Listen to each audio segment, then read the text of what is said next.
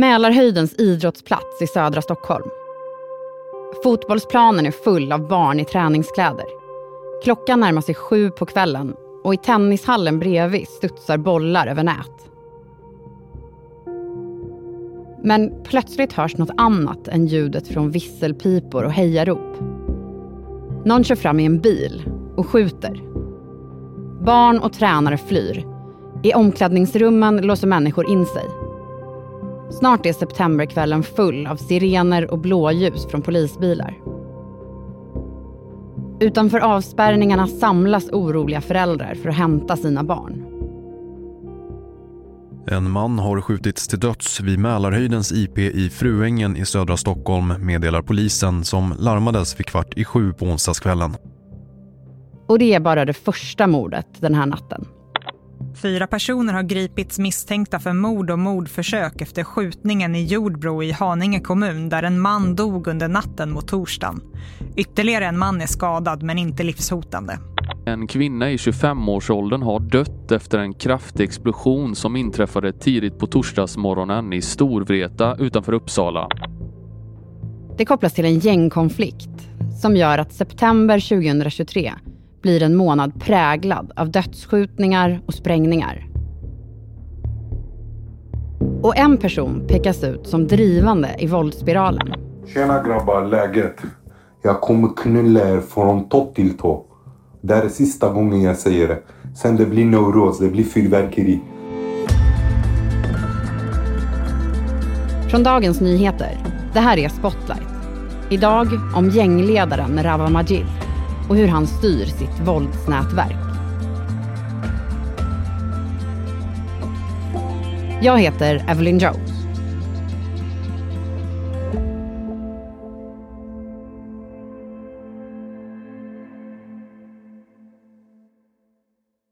En tidig morgon i februari 2006 krossas en ruta till ett skyltfönster på Storgatan i den lilla orten Charlottenberg i västra Värmland. Tre män som har kört från Stockholm och Uppsala går in i butiken. Och med sig ut tar de över 20 parfymflaskor, totalt värda runt 45 000 kronor. En vecka senare sker ett nytt inbrott. Då kör samma män en stulen Ford Escort genom entrén till köpcentret i Töcksfors nära norska gränsen. De bryter sig in i en guldsmedsaffär. Och en av dem är 19-årige Rawa Majid. Rawa Majid föds 1986 när familjen är på flykt från irakiska Kurdistan. De mellanlandar i Iran men kommer till Sverige när Rawa Majid bara är några månader gammal. Familjen hamnar i Uppsala och där växer han upp som ensambarn. Ulrika By, du är krimreporter på DN. Hur är Rawa Majid som person? Rava beskrivs som en ung kille med väldigt mycket energi och väldigt företagsam. Redan när han går i grundskolan så startar han eh, som ett slags företag där han säljer och köper godis och telefonkort. Och hans pappa blir förhörd i någon av de förundersökningar som, som gjordes redan när Rava var tonåring. Och då beskriver pappan honom just som väldigt driven av att lyckas och tjäna pengar. Och efter inbrotten i Värmland så döms Rawa Majid till fängelse. När Rawa har avtjänat det straffet för stölden i Värmland så fortsätter han faktiskt begå brott. Det är inte så att han verkar ta lärdom utan han gör sig skyldig till ytterligare stölder och narkotikabrott. Och döms till skyddstillsyn 2009. Och det är också samma år som han ska komma att dömas till 8,5 års fängelse för grovt narkotikabrott. Och det blir en fängelsetid kantad av problem. Alltså det är väldigt rörigt. Han eh, blir anmäld och får varningar vid ett flertal tillfällen. Han är involverad i flera misshandelsfall. Men han tänker också på sitt utseende. För vid ett tillfälle så eh, ansöker han om att få köpa fyra poletter till eh, anstaltens solarium. Han får dock ett delvis avslag på den begäran för han får bara köpa tre till slut. Och det är den typen av saker som gör honom väldigt arg. Och det är tydligt i många av de här incidentrapporterna att han har lätt att eh, bli aggressiv och irriterad. Rawa Majid hinner bli 28 år innan han frigivs 2015. Men det här är långt ifrån slutet på hans kriminella liv. Det är en eftermiddag i maj 2015. Rawa Majid och tre andra män stannar med en svart Audi utanför Casino Cosmopol på Kungsgatan i Stockholm. De ska möta upp en person som är skyldig dem pengar. Och nu tvingar de in honom i bilen och kör till skogen i Kista i nordvästra Stockholm. Rawa Majid står ett par meter bort medan de andra misshandlar mannen med sparkar, knytnävslag och en gren som de hittar på marken. Rawa Majid döms till fängelse och det blir återigen en stökig tid. Han varnas flera gånger och håller på med narkotikasmuggling in i fängelset. Och även utanför anstalten händer det saker. 2017 blir nämligen hans kusin dömd till livstidsfängelse efter ett dubbelmord som skedde i Kista utanför Stockholm. Och där skjuter alltså Ravas kusin ihjäl två personer i en bil på mycket nära håll. Och en av de personerna är ledaren för det dåvarande dominerande gänget i Stockholm, nämligen Lejonen från Hässelby. Och det här ska komma att skaka om narkotikascenen i Stockholm. Hej, Ulf Kristersson här. På många sätt är det en mörk tid vi lever i. Men nu tar vi ett stort steg för att göra Sverige till en tryggare och säkrare plats. Sverige är nu medlem i Nato. En för alla, alla för en. Vi är specialister på det vi gör, precis som du. Därför försäkrar vi på Swedea bara småföretag, som ditt. För oss är små företag alltid större än stora och vår företagsförsäkring anpassar sig helt efter firmans förutsättningar. Gå in på swedea.se företag och jämför själv.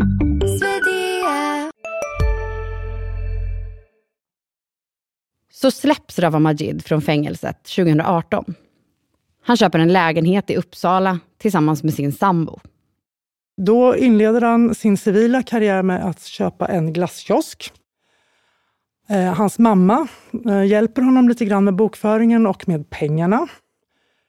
Vilket inte går så bra, därför att hon ska också komma att dömas för penningtvätt efter det.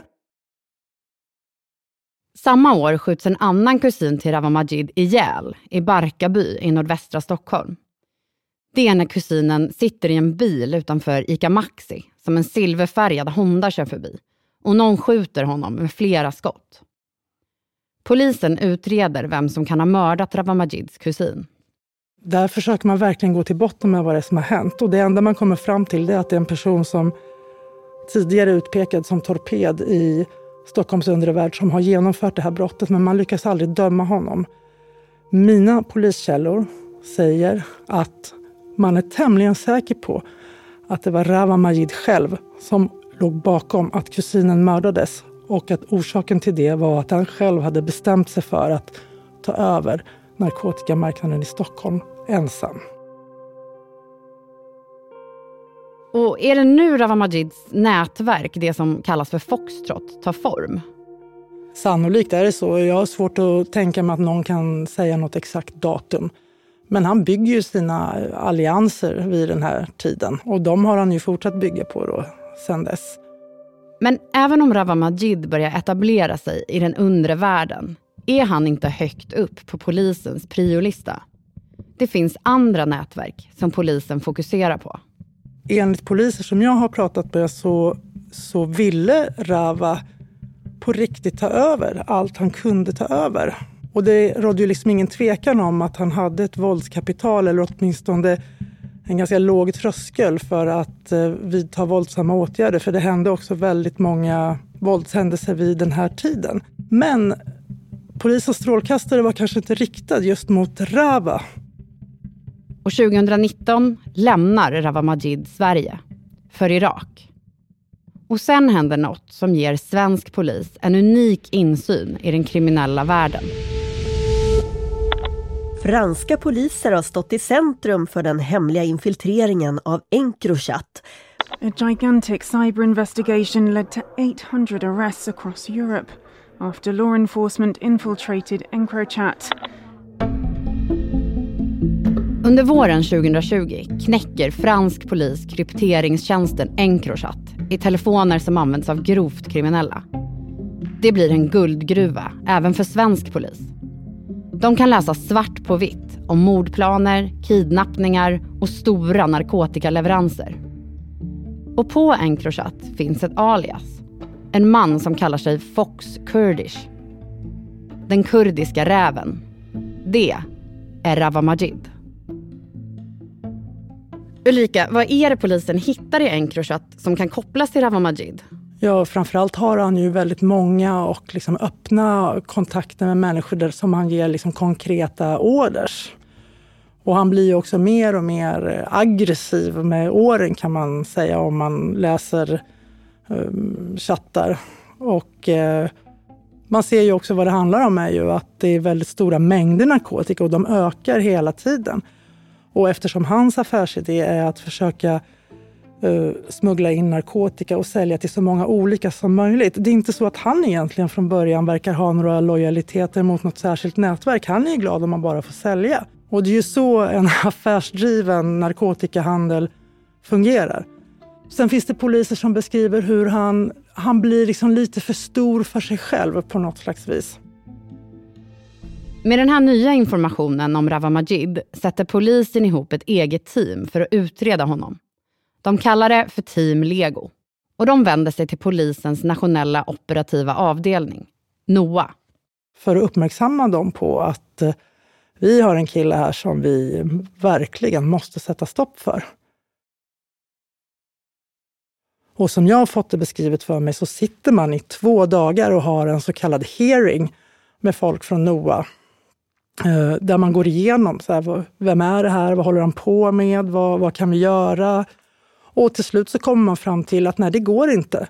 Ska vi satsa de resurser som krävs eh, för att få dit honom, då kommer inte vi kunna göra någonting annat. Med Encrochat slås många av de kriminella nätverk som dominerat den svenska narkotikamarknaden ut.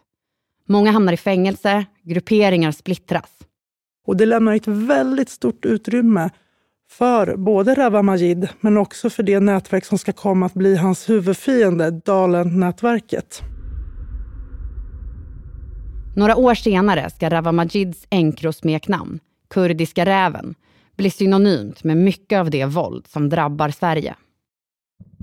Det är slutet av 2022 och Rawa Majid har bestämt sig för att ta över narkotikamarknaden i Sundsvall. Och där finns då den person som har kommit att kallas för greken. Han heter egentligen Mikael Tenesa, så han är 24 år gammal och kommer från Stockholm men har länge varit i Sundsvallstrakten och där sålt främst kokain. Och det tycker inte Rawa Majid att han ska få göra. Rawa Majid rekryterar en av Mikaels allierade i Sundsvall. Och eh, det blir en splittring i det nätverket i Sundsvall. Vilket leder till att Rawa omedelbart sätter igång en hämndspiral även där. Och den 2 december så sker en skjutning i Sundsvall. Och det är den som kommer att beskrivas som startskottet på den våldsvåg som sen sköljer över Stockholm under hela vintern. Utredningen fortsätter efter skjutningen i ett bostadsområde i Bosveden i Sundsvall i fredags kväll där en man i 20-årsåldern blev skottskadad. För andra natten i rad har det skjutits i Gubbängen i södra Stockholm. Så vi vaknade upp eh, vid 03.30, jag och min flickvän i natt. Och av en otrolig smäll. Det är svårt att säga om det kommer att eskalera. Vi har tre stycken pågående konflikter nu. Eh, vi jobbar för att dämpa det. Jag vaknade med en jättesmäll. Och... Stockholm och flera andra städer skakas av flera grova våldsdåd. Det skjuts i trapphus mot lägenhetsdörrar. Bomber detonerar bland sovande familjer och barn rekryteras för att mörda. Det går inte ens att föreställa sig allt som hände i januari faktiskt. Eh, men det som sker i Sundsvall leder alltså till flera olika vedergällningsaktioner i Stockholm. Bland annat så blir då en lägenhetsdörr i Husby beskjuten och i den här portuppgången så är Rawa Majids pappa skriven. Eh, det är då en 15-åring som gör det här. Han skjuter mot fel lägenhetsdörr, men han gör det i alla fall och en vecka senare så blir han själv då ihjälskjuten på en sushi-restaurang i Skogås. Och enligt den förundersökningen och det åtal som nyligen väcktes så beror det på att Rawa Majid återigen då ville hämnas. Hämnas på den här pojken alternativt bara visa att eh, ge er inte på mig för då går det så här. Rawa Majid själv är kvar utomlands. Nu är han i Turkiet. Det är därifrån han lägger ut beställningsmorden och styr sitt nätverk Foxtrot. Men svenska myndigheter kan inte komma åt honom. Han har investerat i fastigheter i Turkiet och då har han fått turkiskt medborgarskap. Och Sverige har dessutom inget utlämningsavtal med Turkiet. Ulrika, hur kan Rawa Majid sitta i Turkiet och styra den här konflikten i Sverige? Här har ju då Rava lyckats bygga upp ett system som går ut på att han fångar upp väldigt unga personer som dels vill imponera på honom, dels kanske vill eh, tjäna pengar, eh, dels kanske också står i skuld till honom så att de är tvingade att göra de här, eh, utföra de här våldsdåden. Och sen dess har ju det blivit något av hans fruktansvärda affärsidé. Att det är så han har jobbat sen dess. Men hur hittar han de här barnen? En kriminolog som jag har pratat med beskriver det som att eh, de senaste åren har ju de här kriminella de har blivit så bra på de här nya digitala kommunikationsmedlen. Och då pratar vi både om sociala medier men också om chattapplikationer. De har blivit så duktiga på det. Och det blir liksom ganska lätt för dem att i de här olika filterbubblorna på nätet hitta personer som är ja, men kanske socioekonomiskt svaga eller som på andra sätt har visat att de är intresserade av att utföra den här typen av uppdrag. Och sen måste man också komma ihåg att, eh, att eh, polisen är helt övertygad om att de flesta av de här barnen som det har handlat om också, de förses ju med cannabis och tramadol och de förses med snygga kläder och rävringar och det byggs liksom en myt kring honom som attraherar. En livsstil som attraherar, någonting som där, där un, de här unga personerna tror att de här bilderna på Rawa Majid när han åker omkring i stora motorbåtar på Medelhavet och, och röker cigarr, det, det är så det är. Och det är dit de vill. Och Vad säger dina källor om hur Rawa Majid agerar nu? Så här, det är lite motsägelsefulla är att det som mina källor har sagt till mig om Rawa Majid är att han är en fegis. Han är själv aldrig i närheten av våldet, eller har inte varit det de senaste åren. Snacket går ju också att Rawa Majid i nuläget är extremt pressad. Att leva som han gör i Turkiet på flykt, det kostar ganska mycket pengar. Och våldets grova karaktär kommer till och med orsaka en splittring i Rawa Majids egna nätverk, Foxtrot.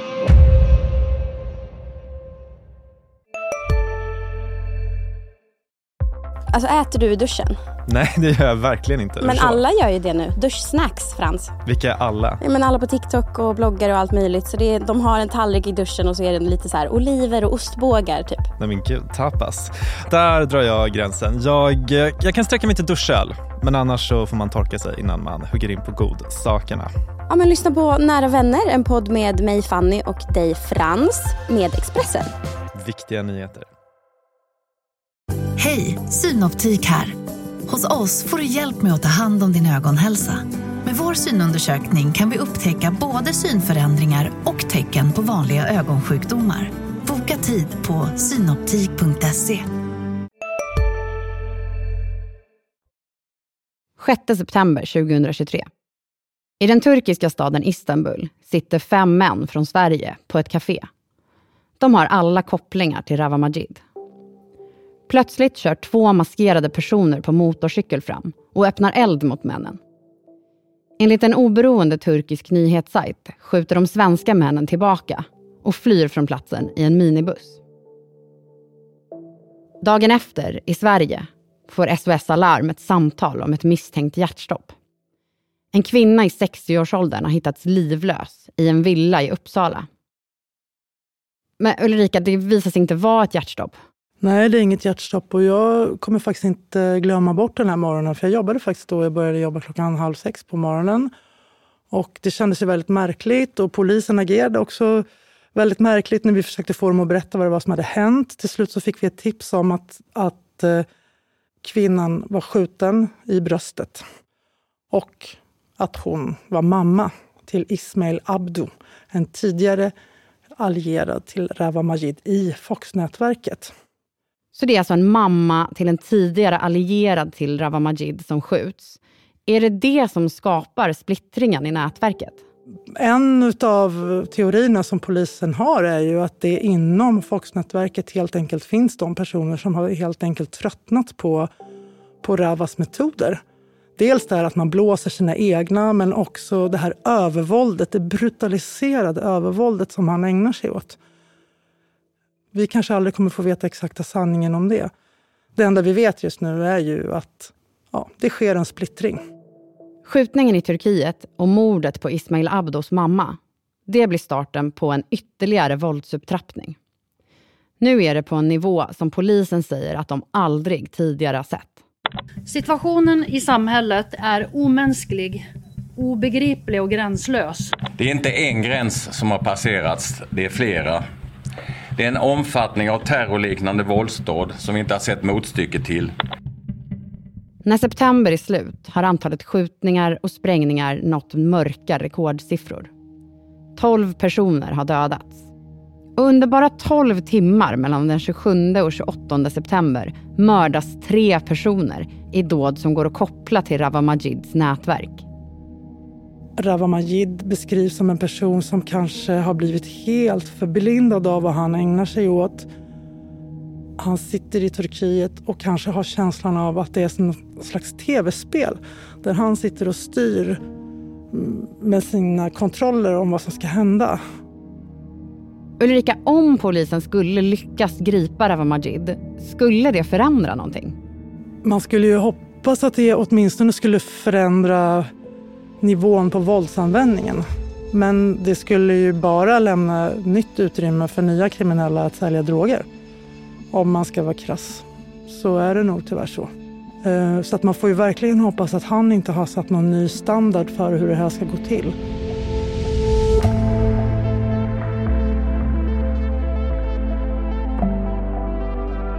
Du har lyssnat på Spotlight med mig, Evelyn Jones. Gäst i dagens avsnitt var Ulrika By, krimreporter på DN.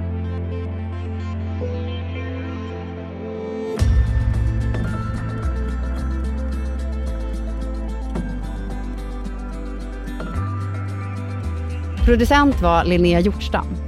Slutmix gjordes av Patrik Miesenberger. Vinjetten är komponerad av Patricio Samuelsson. Ljudklippen i dagens avsnitt kom från SVT och Sveriges Radio. Och ansvarig utgivare för dagens nyheter är Peter Wolodarski.